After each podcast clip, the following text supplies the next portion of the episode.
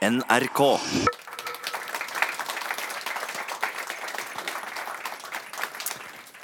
And so we're going to switch to English for a little while. Uh, I wanted uh, to start with uh, you, uh, Ms. Snyder. Uh, there are, for people my age, nuclear arms, they, they have always been around. And when I was little, I was scared to death of them. But, and of course, it's still a little bit terrifying. But, you know, it also seems to work somehow. They're there, but nothing happens. How bad can it actually be? What are the risks that we are facing of nuclear threat today? Oh, Well, right now there's um, there's a rhetoric escalation. There are threats to use nuclear weapons. Um, and something that has been happening um, more in the last few months than we've seen in the last few decades. Uh, and that increases the, the threat of use um, quite a bit. And that's only use intentionally. What most people don't really talk about or know about is the, the threat for accidental use. There have been a lot of near misses, um, and a lot of times that we almost lost everything. Um, and those risks haven't gone away. They, you know, in the last generations, if anything, um, they have increased. And with the new programs of modernization in nuclear weapon countries, and every single country that has nuclear weapons is developing new nuclear weapons. Everyone's modernizing. That is going to increase the risks because it's going to make the technology more susceptible to harm. And that's something I think we should all be worried about. And the best way to prevent the use of nuclear weapons is to eliminate them. Thank you. Uh, Mr. Snyder, uh, I am so sorry. I messed up your name. I like Nick, but you know. Mr. Ritchie, what is the situation? You were a specialist on the risks of nuclear arms. What is the situation today, in your view, compared to the Cold War when this threat terrified an entire world? Yeah, I mean, there's certainly less, I would say, popular awareness that we still live in a world that is very heavily nuclear armed and the structures that were put in place, particularly to enable the United States and the Soviet Union and now Russia to fight a massive, rapid, short notice nuclear conflict, still remain in place. Um, and in terms of the it's, it's important to appreciate the scale of the violence that can be accomplished rapidly within hours with a, a full nuclear exchange between the, the nuclear superpowers still between Russia and the United States, but even at a much lower level of, of weapons in, in the low hundreds. Um, I, will just re- relay one um, uh, example of this, um, again from the Cold War, and this was Britain's experience, and, it, and it's quite instructive as to the level of violence that can be, can be accomplished. So in 1955, um, when the, after the H bomb was invented, the British government at the time commissioned um, a, a, lord called William Strath to study the effects of a Soviet nuclear attack on, the, on Britain. And the conclusions of that, re- that report were only released in 2002 because they terrified the policymakers. And the judgment then was that 10, 10 megaton Soviet bombs on 10 British cities would be the end of us. It would kill or injure a third of the British population. It would irradiate all our agricultural lands. And the conclusion then was that it would bomb my country past the point of recovery. That's all it would take. And yes, the bombs have got smaller in terms of their explosive yield, mainly because the technology has advanced and they've become more sophisticated and accurate. But still, the level of violence that can be perpetrated that would have global climactic effects as well as the immediate effects on those uh, uh, captured by the explosions and the radiation are of an order of magnitude beyond anything we can imagine. Um, I wondered if, if you can emphasize a little bit what um, Susie Snyder described as the situation in the last couple of years, uh, where there has, I understand, been actually a growth and a modernization of a lot of nuclear arms. What does that mean in your view? Um, I mean, less so a growth in modernisation. This has been a continuous, ongoing process. Uh, there was a bit of a pause in the 1990s, but these are the nuclear weapon systems that countries have, they require, particularly when you're talking about intercontinental ballistic missiles, on nuclear warheads, ballistic missile submarines, large strategic bombers.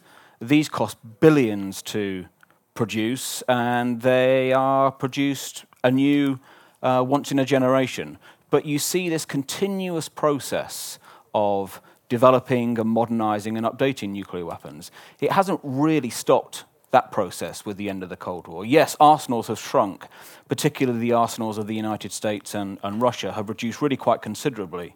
Um, but the logic of deterrent remains absolutely intact. The structures and processes for enabling a rapid first strike remain intact, and an absolute commitment to continuing to invest in maintaining state of the art warhead and delivery systems. That's been an ongoing, continuous process. I wanted to ask uh, Ms. Snyder uh, the nuclear powers through the non spreading agreement are actually on paper committed to to the armament and and to ensure that there becomes fewer and less nuclear weapons in the world but uh, should this not be sufficient why do you need a prohibition in addition to the existing agreements well, see, the thing is that the existing agreements don't make nuclear weapons illegal. And that was a pretty big legal gap. Like, we, we, don't, we don't think it's okay for biological weapons to be legal. We don't think it's okay to keep a small reserve of plague. Right? You know, we, we made this illegal because it is abhorrent to our very being we don't brag about being, you know, um, a chemical weapons country. No, we isolate and ostracize those who use or threaten with chemical weapons. And with nuclear weapons, we haven't done that. With the Non-Proliferation Treaty, there's, there's nine countries that have nuclear weapons in the world. The Non-Proliferation Treaty only has five of them in there. They are obligated to negotiate nuclear disarmament, um, and any negotiations that have taken place have been outside of the treaty. They've been separate agreements. Um, and those have been only between the US and Russia, um, or previously the Soviet Union. Um, so this, this framework, it's been, it's been pretty good. I, I like the Non-Proliferation Treaty. I think it's really important to stop the spread of nuclear weapons. But it forgot the basic thing, which is make this big, dumb, ugly, horrible bomb illegal. Now we've done that. Now it's illegal. And so now that process of getting to elimination is under the framework of this is unacceptable, not, uh, well, you can eventually, I guess, maybe do the negotiations to eventually get maybe towards a little bit closer to zero, eventually, maybe. It is an urgent situation. Nuclear weapons are unacceptable. And it's great that now there's a treaty to make them illegal too. Thank you.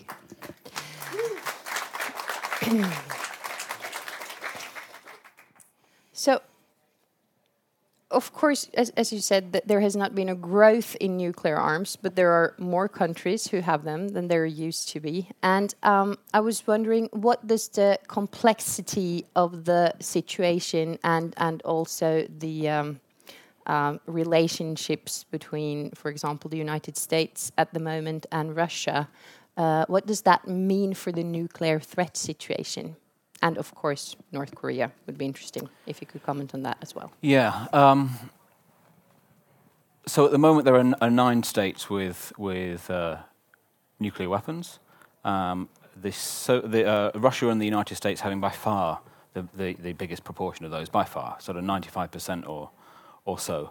Um, now, what's interesting in uh, in 2007 uh, the four archetypal Cold War statesmen led by Henry Kissinger, um, reached the conclusion after a conference marking 20 years since the Reykjavik summit between Reagan and Gorbachev that got pretty close to agreeing the elimination of, of strategic nuclear weapons. This was in 1986. Uh, Kissinger and, and, and uh, Sam Nunn and Bill Perry and, and George Shultz Reagan's Secretary of State, they came to the conclusion that, yes, nuclear life had become more complicated. Um, they, they, they tell, tell themselves the story that nuclear relations between the Soviet Union and the United States in the Cold War were manageable, safe, secure, reliable, after a, a, very difficult 20 year learning experience that include the nightmare of the Cuban Missile Crisis, a sense in which things had stabilized. Now, that's open to contestation. But even they then were making the argument that their, by their judgment, things have become much more difficult, much more complicated, both in terms of the way in which the international security environment had changed, the number of actors that are involved that can uh, potentially get access to fissile materials for making primitive nuclear weapons, but more importantly, the range of different states that have nuclear weapons. And the range of the asymmetries involved in there in terms of the interests that are at stake in crises, the types of crises, the nature of the weapons that states have, the levels of misperception that will engender the, uh, uh, uh, or, or characterize those relationships. And even these Cold War warriors were then arguing you know what? The, the risks of nuclear deterrence uh, or the risks of continuing with nuclear weapons and continuing to try and practice nuclear deterrence in this environment have become far too risky. Um, uh, the, the, deterrence, in their view, was becoming of, of, less and less value, and the risks, in their view, were increasing and increasing. Uh, so, yeah, the, the international security environment, the number of states that have nuclear weapons, particularly if more and more states acquire them, hopefully not, but we don't know where nuclear politics will take us. Even from that very conservative view of those that have been brought up within the Cold War mindset, in which they did sincerely believe that nuclear deterrence worked for a good number of decades, even they are now saying, you know what, we need to rethink this. Um, and that's in part because of the complexity of nuclear relationships now. Thank you so much. Uh, that was quite terrifying news. Uh, you obviously has been aware of this for uh, for some time, but um, you have received the Peace Prize this year. Uh, how is your perception of the public opinion in, uh, especially in, in, in, in Norway and, and, and in the Western countries? Is it changing the view upon nuclear arms? It's a great question. Um, so let me tell you a little story. In the, I live in the Netherlands. And the Netherlands participated in the ban treaty negotiations. And part of the reason they did that is because we went out on the streets and we asked anyone who would stop and talk to us if they thought nuclear weapons should be illegal or legal. And would they sign a petition if they thought they should be illegal? The Dutch political situation is that um, you get a certain number of petition signatures and it requires a debate in parliament and that parliamentary debate led to a demand for the government to participate in the negotiations. What we learned when we went out on the streets is that number one, people didn't think about nuclear weapons, didn't really know about nuclear weapons. So we talked to them about it. You know, rather have people be informed than anything. Um, and as soon as they started to think about it and started to, they, would ask us, "What? These are still a problem?" We say, "Yes, they're still a problem."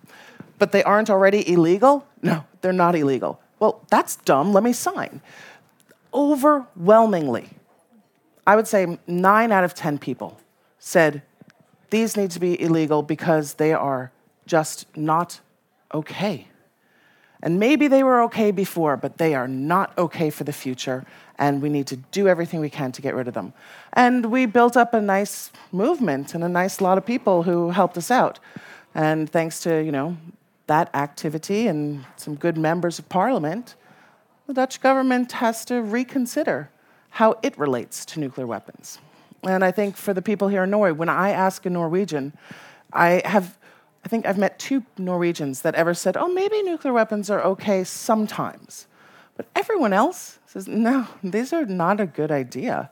And I, I don't know about you all here in the audience, but I, I think they're a bad idea. And uh, I hope you agree. Thank you so much. Susie Snyder, Nick Ritchie, thank you for participating today. Thank you very much.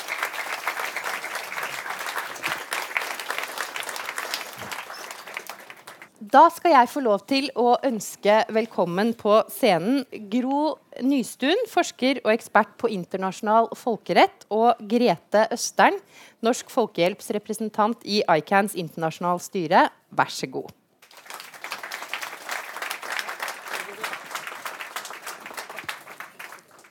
Jeg ville eh, gjerne begynne med å spørre deg, Grete Østern. Eh, dette forbudet som eh, nå er eh, Som nå veldig mange land har eh, skrevet under på.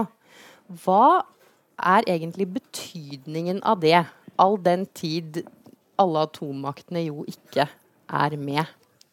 Betydningen er jo, som Susi snakket om, at det er et humanitærrettslig instrument. Som, og det vil si at det sier noe om Altså det regulerer hvilke våpen, metoder og midler vi har lov til å bruke i krig. Og at den sier at atomvåpen er akseptable Nei, ikke akseptable. Unnskyld. Er eh, fullstendig uakseptable eh, våpen under enhver eh, omstendighet. Eh, og stigmatiserer dermed atomvåpen. Og eh, sier at kjernefysisk avskrekking eh, er ulovlig. Eh, og det oppretter en slags mur gjennom det internasjonale samfunn mellom de som mener at det er greit med eh, masseødeleggelsesvåpen, og de som mener at det ikke er det. Eh, og der vil det bli etter hvert et stadig mindre mindretall på den andre siden. Som Norge da per i dag sier at de ønsker å være en del av. Um, Gro, uh, jeg lurer på Kan du utdype litt. Fordi hvis du ser på alle folkerettslige regler, så, så, er det jo sånn at det, det, det er krav til eh, våpen om at man skal kunne skille mellom sivil og militær. Altså det er en, en, en lang rekke krav og, og, og, regler og avtaler som finnes. Hvordan kan det være at de ikke rammer atomvåpen? Jo da, de gjør jo det, selvfølgelig. Dette er jo den generelle internasjonale humanitære retten som krever at alle våpen skal kunne skille mellom sivile på den ene siden og militære mål på den andre siden. Men det som har vært forskjellen på atomvåpen og de andre masseødeleggelsesvåpnene fram til nå, det er at f.eks. biologiske og kjemiske våpen har vært gjenstand for eh, særegne forbud, i tillegg til de generelle reglene om uh, distinksjon osv. Og, uh, og det har vært et paradoks i folkeretten på en måte at de to andre masseødeleggelsesvåpnene har vært liksom utvetydig forbudt å ha og bruke og utvikle, mens atomvåpen ikke har vært gjenstand for den samme direkte forbudet. Men det er klart at eh, folkeretten tilsier at hvis man skulle brukt atomvåpen, så måtte man brukt det i samsvar med disse generelle reglene. Og da er det jo ikke så lett å se for seg hvordan man skulle gjort det, men Den internasjonale domstolen i Haag kommer jo da med eksempler som uh, at man kunne tenke seg en liten atombombe mot en militær ubåt i Stillehavet, eller den type ting, som faktisk da ikke ville i hvert fall ikke uh, bryte dette distinksjonsprinsippet, men som kanskje ville likevel bryte andre regler, f.eks. om miljøskade. Så, virker det jo som veldig mye våpen å ha for å bombe en ubåt i Stillehavet. Det er jo et godt poeng, og det er jo derfor også mange militære nå, ikke minst faktisk amerikanske pensjonerte generaler, er, eh, er imot atomvåpen. Det er rett og slett fordi de er så innmari dyre. og man har ganske mye mer militær eh, kraft med, med konvensjonelle våpen som man faktisk kan planlegge med å bruke. Eh, det, men det er kanskje ikke det du Det er et, sidespor. Nei. Men det er um, altså, jeg, ville at vi skulle snakke litt om, om ikkespredningsavtalen. Uh, for, for, det er jo Altså, det brukes jo i debatten om dette forbudet. Så trekkes den fram. Uh, noen sier at, at, dette forbudet underminerer ikkespredningsavtalen. Noen mener at den komplementerer det. Uh, jeg tenkte altså Ikkespredningsavtalen den er jo veldig tydelig på at partene forplikter seg til nedrustning. Eh, så vidt jeg har forstått, og det er mulig å forstå for en som er lekmann, så har jo det ikke skjedd i noen særlig grad. Eh, kan denne forbundstraktaten anspore atommaktene til å ruste ned? Ja. Det er jeg overbevist om at den vil gjøre. Um, det er uh, blitt helt tydelig, og de sier det ofte også selv innenfor møter i ikkespredningsavtalen, at uh, atomvåpenstatene har ingen intensjoner om å oppfylle sin forpliktelse til å ruste ned eh, og, og, og, fjerne hele systemet med kjernefysisk avskrekking, sånn som eh, ikkespredningsavtalen forplikter til. Eh, de planlegger for modernisering og, og fortsatt, eh, vil fortsatt belage seg på atomvåpen i flere tiår framover enn ikkespredningsavtalen har eksistert til nå. Eh, og dette argumentet om at eh, forbudet undergraver ikkespredningsavtalen det blir jo gjentatt om og om igjen, og det er direkte uærlig å hevde det. Og jeg vil, jeg vil at alle som blir, eh, blir altså for presentert med det argumentet, må, må, be den som sier det, om å forklare hvordan forbudet eh, undergraver ikkespredningsavtalen. Eh, for det stemmer ikke. Den styrker, eh, for, styrker ikkespredningsavtalen og handler om det samme, men legger også i tillegg til andre eh, viktige regler som ikke er i ikkespredningsavtalen, som handler nettopp om dette at det er ulovlig eh, at det er ulovlig å bruke, true med å bruke, lagre, produsere osv. atomvåpen. Um, jeg tenkte vi kunne bevege oss litt over, uh, over til uh, den norske uh, debatten. I begynnelsen, da Aiken var i sin eh, spede start, eh, så var det bl.a. en landkonferanse eh, her i Norge. Og norske myndigheter var ivrige støttespillere, egentlig, for, for ICAN sitt ansvar. Hva, hva, er det som har endret seg? Grete, kan du, kan du si noe om det? Ja, Nei, altså Det som har endret seg også i praksis, er jo at eh, Norge fram til da hadde jobbet eh, veldig aktivt med eh, å framsette det humanitære perspektivet i nedrustningsdebatten. ikke bare balanse og sikkerhet osv., men faktisk begynne å snakke om risiko. Og hva skjer hvis atomvåpen skulle bli brukt? Og det var faktisk altså Det høres veldig enkelt ut, men det var faktisk helt revolusjonerende i nedrustningsfora å begynne å snakke om det.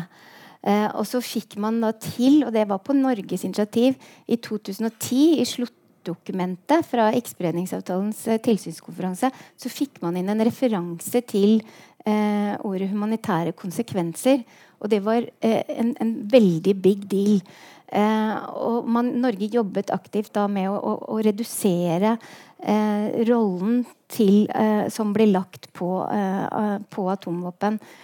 Forsøke å endre diskursen. Og så hadde man da den konferansen her i 2013 hvor masse ny kunnskap ble lagt fram om dette, som var veldig motiverende for mange stater. Eh, og, Men eh, så skjedde det ja, noe. Og så eh, hadde vi jo da et regjeringsskifte, og så var det veldig raskt eh, etter det. Så ville ikke Norge være med lenger på resolusjoner i FN som handlet om atomvåpens humanitære konsekvenser eh, osv. Da var det eh, ikke vår sak lenger. Og eh, Norge hadde jo innledet et strategisk samarbeid med ICAN. og plutselig så var det ikke noe dialog lenger.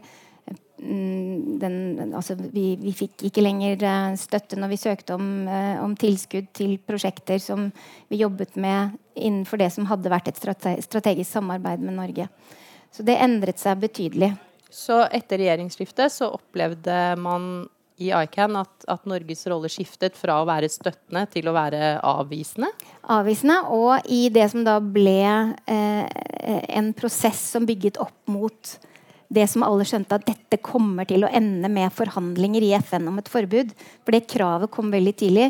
Så var Norges rolle dessverre sånn at den var direkte motarbeidende. Eh, takk skal du ha. Eh, det er jo sånn at Norge er med i Nato. Eh, gjør, gjør, det det umulig for Norge å eh, støtte et forbud mot atomvåpen? Kan du svare på det, Gro Nystuen? Jeg tror det er viktig å skille mellom politiske utfordringer og rettslige utfordringer. Det er klart at Nato som eh, organisasjon har ikke noe spesifikt forhold til kjernevåpen. Nato som allianse har ikke kjernevåpen. Det er tre Nato-medlemmer som har kjernevåpen. Eh, og de er ikke til Natos disposisjon, de er til disse tre kjernevåpenstatenes disposisjon. Sånn at Likevel så har Nato et politisk eh, strategisk konsept som sier at Nato er en kjernevåpenallianse. Og så lenge kjernevåpen finnes, så vil Nato være en kjernevåpenallianse. Samtidig så sier det, det, strategiske konseptet at Nato vil arbeide for en fullstendig eliminering av kjernevåpen.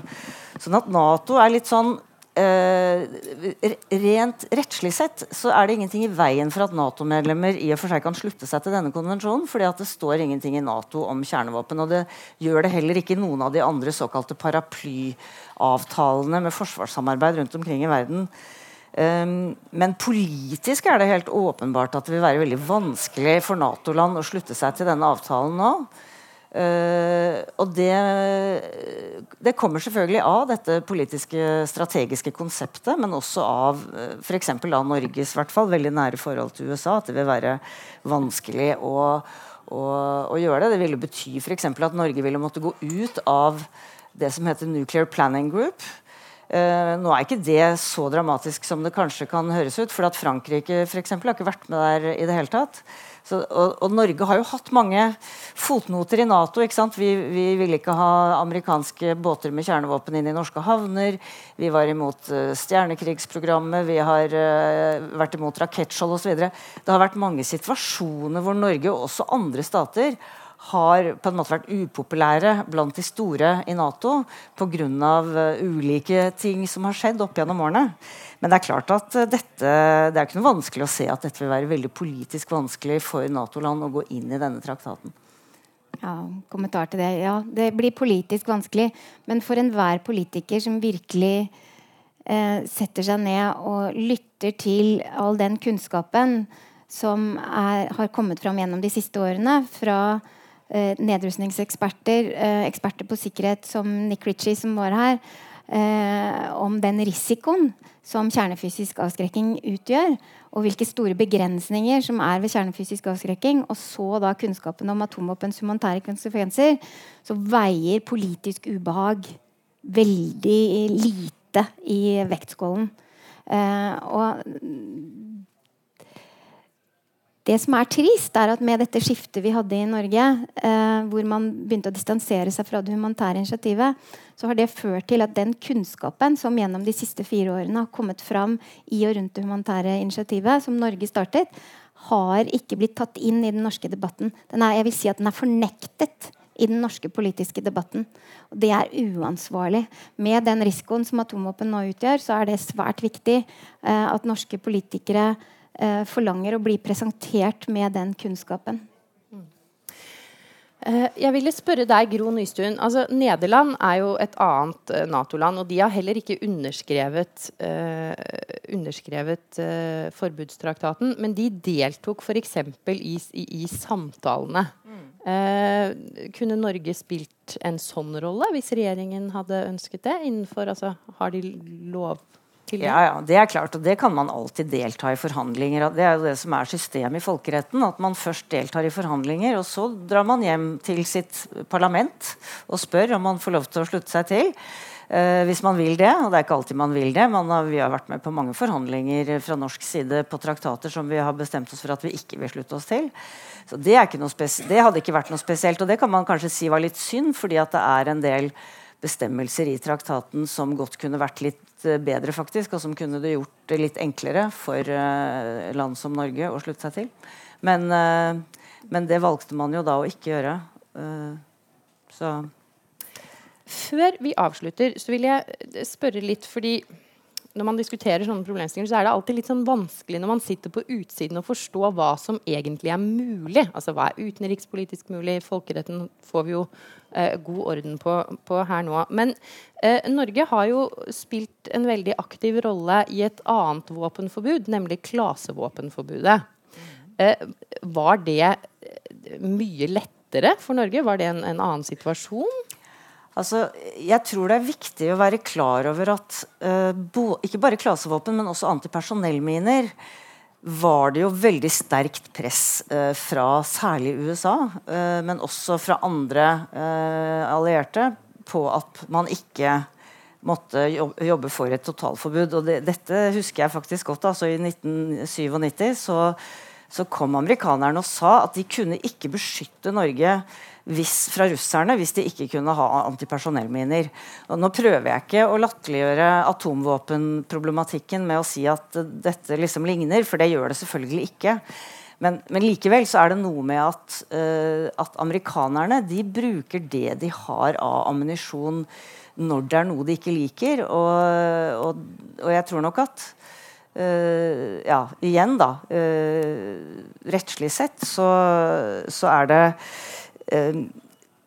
ingenting eh, som tilsier eh, at Norge ikke kunne vært med på hvert fall å forhandle denne avtalen, eh, og for så vidt også slutte seg til. Men, men igjen, jeg, jeg, jeg, ser at det, er, at det vil være problematisk. Men jeg har lyst til å si én ting når det gjelder dette med eh, ikkespredningsavtalen. fordi at vi hører ofte argumenter om at eh, nedrustningen, atomnedrustningen må skje i regi av ikkespredningsavtalen. Og der er det ganske viktig å være klar over at det er faktisk ikke et eneste atomvåpen som er blitt rustet ned i regi av ikkespredningsavtalen. De er blitt rustet ned i regi av andre typer bilaterale avtaler, særlig mellom USA og, og Russland. Og det er eh, i det hele tatt veldig lite innenfor nedrustning som skjer innenfor rammene av ikkespredningsavtalen. Der hvor ikkespredningsavtalen har vært en kjempestor suksess, er jo nettopp på ikkespredning. Så Vi kunne jo risikert å hatt mange flere atomvåpenstater i dag enn det vi har, hvis vi ikke hadde hatt den. Og det som man også kunne kanskje stille seg som spørsmål, i hvert fall, er det en risiko for at denne mangelen på å oppfylle ikkespredningsdelen av nei, unnskyld, mangelen på å oppfylle nedrustningsdelen faktisk kan komme til å undergrave ikke-spredningsdelen. Det er jo også en risiko å ta. Og her har jo kjernevåpenstatene virkelig sabotert absolutt alle mulige eh, tiltak for nedrustning i alle disse årene siden 1995, da avtalen ble gjort eh, tidløs på en måte fremover i tid. Eh, og Det er jo en veldig stor skuffelse eh, blant eh, veldig mange stater som har vokst over mange år gjennom at det ikke har skjedd nedrustning i ikkespredningsavtalen. Det har ikke skjedd noen ting i nedrustningskonferansen som sitter i Genéve år ut og år inn. De har ikke engang greid å bli enige om en agenda på 20 år. og testforbudet har ikke trådt i kraft, også fordi USA ikke vil ratifisere det. Så det er på en måte denne nye traktaten det har på en måte vært uh, the only show in town. Altså. Uh, jeg tror at man må se hele dette initiativet litt på bakgrunn av hele det litt større multilaterale bildet uh, for å forstå hvorfor dette har presset seg fram nå. Grete Østern, jeg ville avslutte med å spørre deg. Altså, hva må Norge og norske myndigheter hvis de faktisk skal eh, bidra til nedrustning, atomnedrustning i årene som kommer? Mm. For det første så må de slutte å snakke denne avtalen ned. I Norge så er det liksom at vi er med på alt som er bra. Så hvis det er noe vi ikke vil, så må vi liksom, da må det være noe feil med det.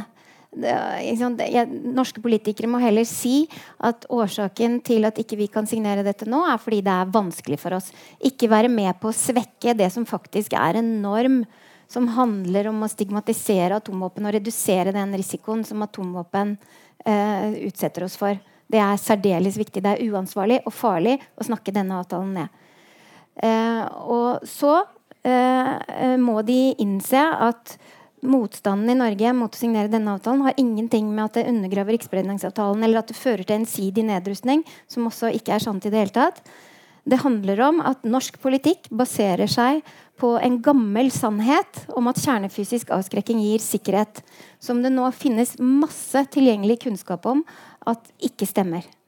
Eh, og så må man være villig til å høre på den kunnskapen, se på den og virkelig stille seg spørsmålet er det virkelig sånn eh, at det vi driver med i Nato, gir sikkerhet, eller bør vi finne en annen vei?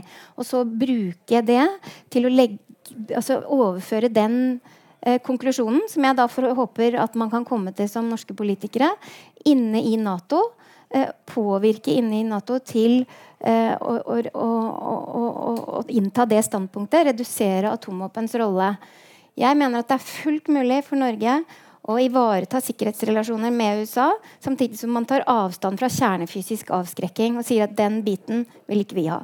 Norge kan gjøre endringer i våre nasjonale forsvarsplaner og våre sikkerhetspolitier som fjerner muligheten for at et annet land skal kunne true med å bruke atomvåpen eller bruke atomvåpen på våre vegne. Og det er det, de praktiske endringene der, å virkelig legge press på USA, eh, Storbritannia og Frankrike til å begynne å jobbe aktivt med å få til eh, balansert og, og gjensidig nedrustning, det er de praktiske tingene som Norge må gjøre. Og hvis man først er villig til å gjøre det, så kan man faktisk signere forbudet også. Tusen, tusen takk skal dere ha, Grete Østern og Gro Nystuen.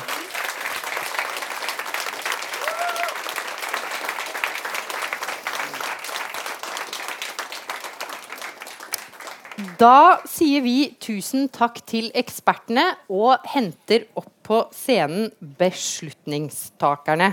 Hjertelig velkommen Hilde Frafjord Jonsson, generalsekretær i KrF og tidligere utviklingsminister. Michael Tetzschner, stortingsrepresentant for Høyre og første nestleder av utenriks- og forsvarskomiteen. Og Kari Elisabeth Kaski, nyvalgt stortingsrepresentant fra SV. Hjertelig velkommen, alle tre.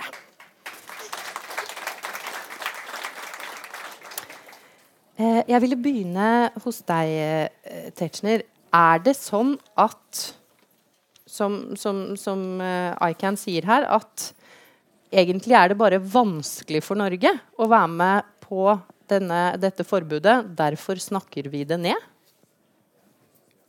Nei, det, det syns ikke det var den mest interessante påstanden.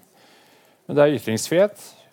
Da får man jo gjerne ha de oppfatningene man vil. Men det som Eh, er problemet, og som jeg nok hadde litt større forventninger, særlig til, til de som bruker uh, ikke juridiske argumenter, for dem hørte jeg ikke, men uh, juridiske termer.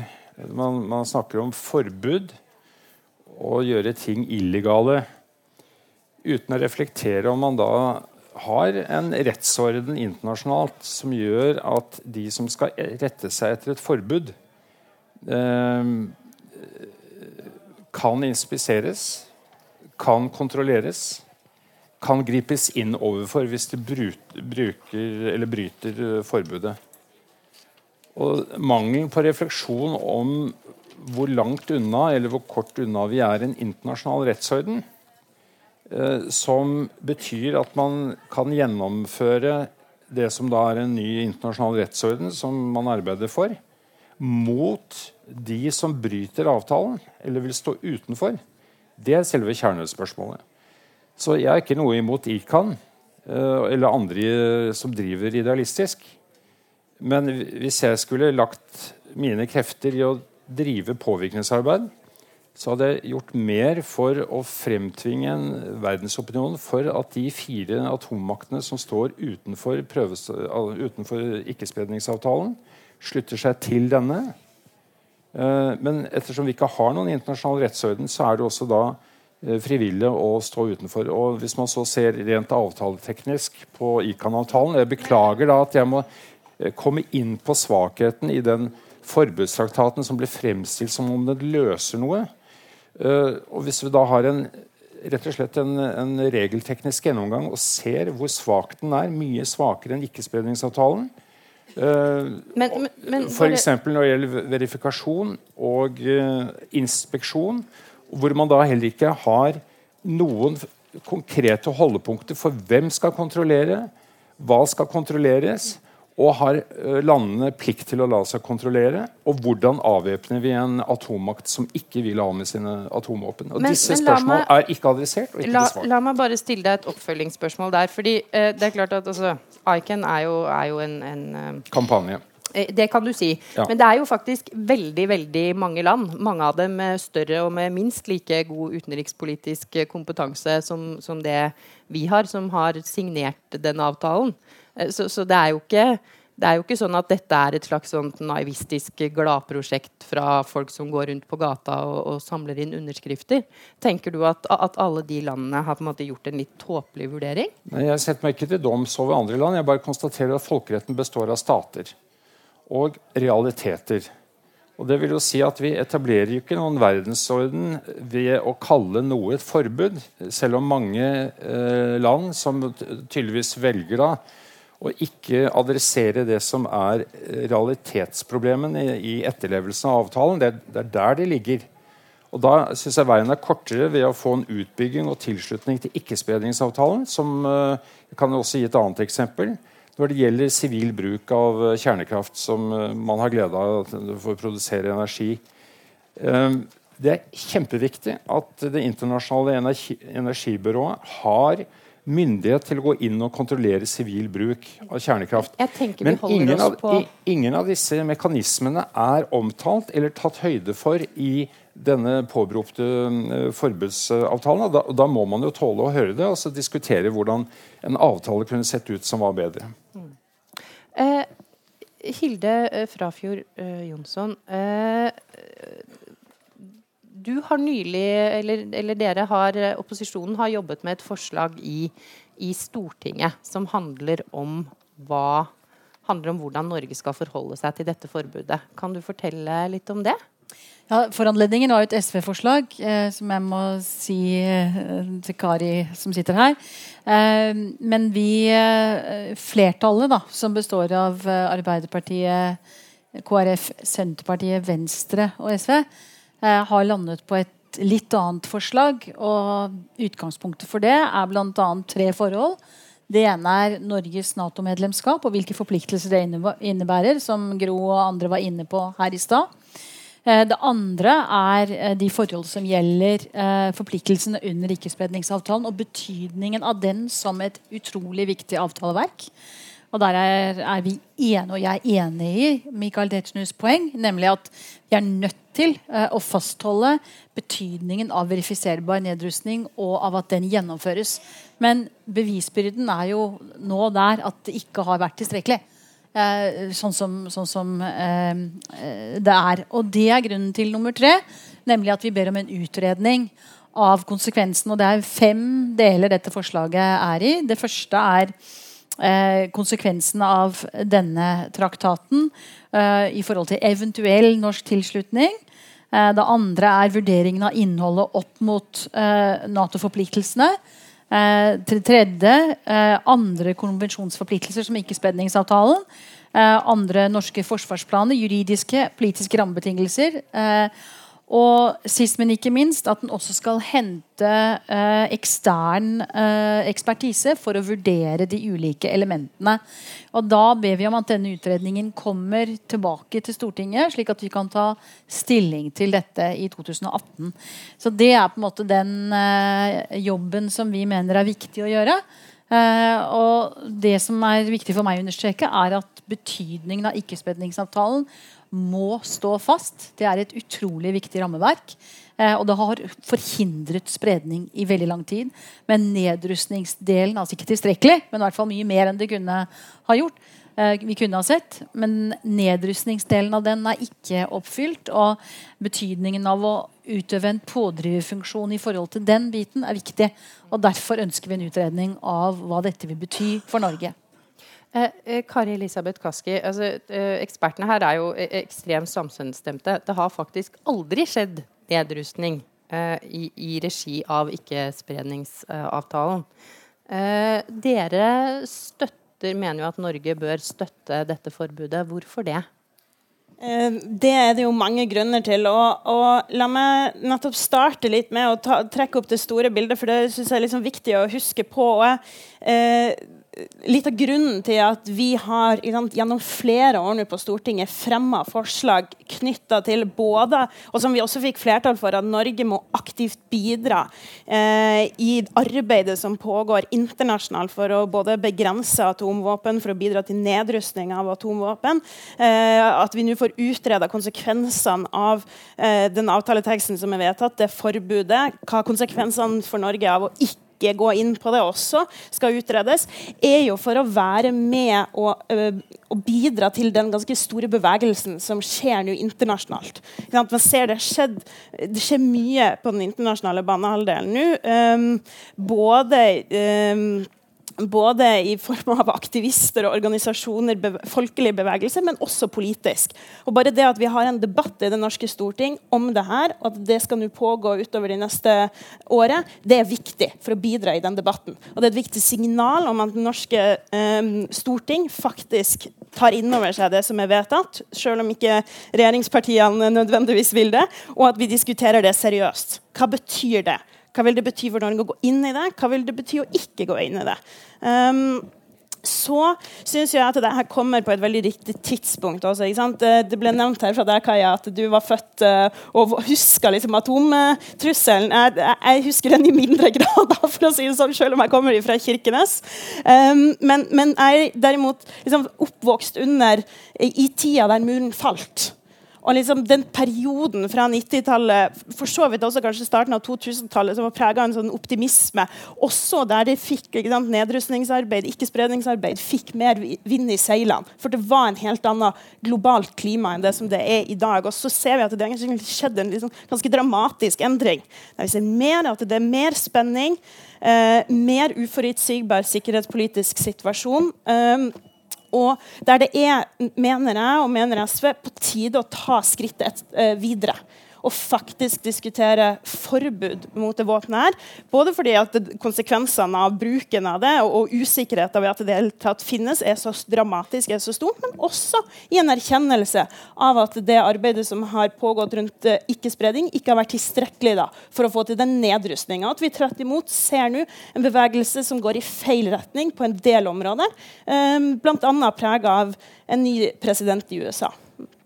Michael Tetzschner? Ja,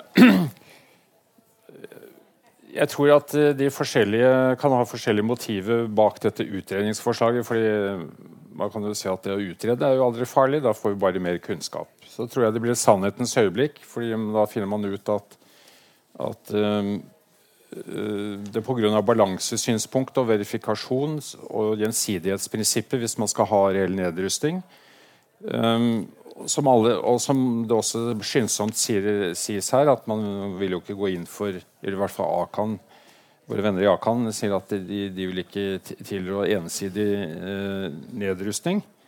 Eh, ja, tok jeg feil der? ICAN, ikke Akan, for det er de som jobber med nei. alkohol på arbeidsplassen. Ja, ja, ja, unnskyld.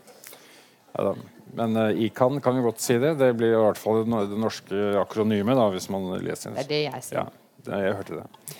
Men eh, poenget er at uh, de avtalene som allerede er bedre rustet for å ha en inspeksjon, hindre spredning, men også nedrustning Jeg, jeg hørte til min forundring at man, man sier at uh, ikkespredningsavtalen uh, den har ikke nedrustet et eneste atomvåpen. Jo, fordi partene ifølge avtalens egen logikk skal avtale nedrustning. og De har fulgt opp. og så kan man si Det var de opprinnelige supermaktene som sørget for å nedbygge sine atomvåpenarsenaler med ganske mange, mange prosent. Det som mangler, er jo disse atommaktene som står utenfor. Så hvis dere har noen gode ideer for hvordan vi får den og bygget en internasjonal rettsorden som de bøyer seg for, så er det hovedproblemet og eh, det som må gjøres først. Deretter så kan etablere spillereglene. Og det som er det nye i det, dette initiativet, jeg som jeg også hører, det er at man, man, sier at nå skal vi bare si at vi har et forbud. Og da vet vi at SV vil bruke det både mot Nato-medlemskap senere og for ensidig nedrustning, hvis vi skal uh, lytte til historien. Jeg vet ikke om de kommer til å gjenta det. Men poenget er at dette er en papirbestemmelse som er egnet til å kaste blår i øynene for noen som sier at de er opptatt av, av, av fredssaker, men som i virkeligheten kan inngi et inntrykk hos de atommaktene som står utenfor eh, ikkespredningsavtalen. De, de, kan faktisk få et berettiget håp om at de får disse atomvåpnene til ensidig disposisjon, siden Vesten er i ferd med å ta en debatt om å avstå fra denne garantien som atomvåpen tross alt gir. Jeg må få stille deg et oppfølgingsspørsmål. for Jeg har hatt ekspert etter ekspert på scenen her som sier at det har ikke skjedd nedrustning i regi av ikkespredningsavtalen, men du, du, mener, at det. Ja, du mener partene, at det er feil? Ja, fordi, ram, ja, fordi partene, det er partene i en avtale Det er ikke avtalen i seg selv som kan ligge i, et, i, en, i en mappe. Det er, det er partene eh, som, eh, som må etterleve avtalen ved å ta nedrustningsinitiativ. Og det er det heldigvis gjort bilateralt langt på vei mellom de tradisjonelle supermaktene, som var, eh, var eh, Sovjetunionen, Russland på den ene siden og USA på den andre siden. Takk skal du ha. Da skal dere få slippe til. Vi begynner med Kari Elisabeth Altså, Kaski. ikke sant? Eh, Det er viktig å huske på. Vi har en regjering i dag som, som overhodet ikke ønsker å bidra til det arbeidet som pågår internasjonalt nå. Det ganske positive arbeidet som pågår internasjonalt for å få en atomvåpenfri verden. Vi fikk et stortingsvedtak om, der Stortinget ba regjeringa jobbe aktivt for å bidra til en atomvåpenfri verden. Og det er helt umulig å se at det blir fulgt opp fra denne regjeringa. Snarere tvert imot så ser vi jo at under den rød-grønne regjeringa tok man og gikk noen skritt i riktig retning. Under dagens regjering så er det arbeidet stansa opp. ikke sant? Og så sitter jo Michael Tetzschner og kritiserer den avtalen som er lagt på bordet. Ja, det er eh, fint å gjøre det, men Norge de, altså, ville ikke delta i de forhandlingene. Norge har ikke ønska å spille noen positiv kraft i det her i det hele tatt. og det vil er i seg selv ekstremt alvorlig. Så har vi nå fått et flertall, som også regjeringspartiene har stemt imot, om å få på plass en utredning. Så da kan vi se da nøyere videre på det her, de problemstillingene som trekkes opp. Men det jeg i hvert fall er helt sikker på, det er at vi skal lytte til det som blir sagt om at et forbud mot atomvåpen, et arbeid for nedrustning, vil styrke ikke-spredningsarbeidet. Det mener jeg er utrolig vesentlig. Og det er altså forskjell på ikke-spredning og det å si vi vil ha en atomvåpenfri verden, vi er nødt til å få den til den nedrustninga. Det siste poenget er at det er ganske historieløst å si at det eh, ikke vil fungere.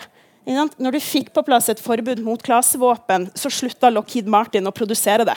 Til tross for at USA var ekstremt imot det forbudet i utgangspunktet. Vi vet at det har en stigmatiserende effekt. Vi vet at det vil ha en langsiktig riktig effekt. Så det, de argumentene fra høyresida er rett og slett eh, god grunn til å, å si at de ikke holder vann i møte med det her. Hilde, vær så god.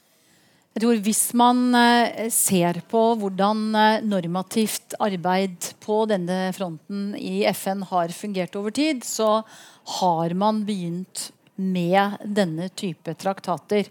Eh, samtidig så er det utrolig viktig å ikke gjøre ikkespredningsavtalen til noe som har mindre vekt. Det er farlig. Eh, det må vi heller ikke gjøre.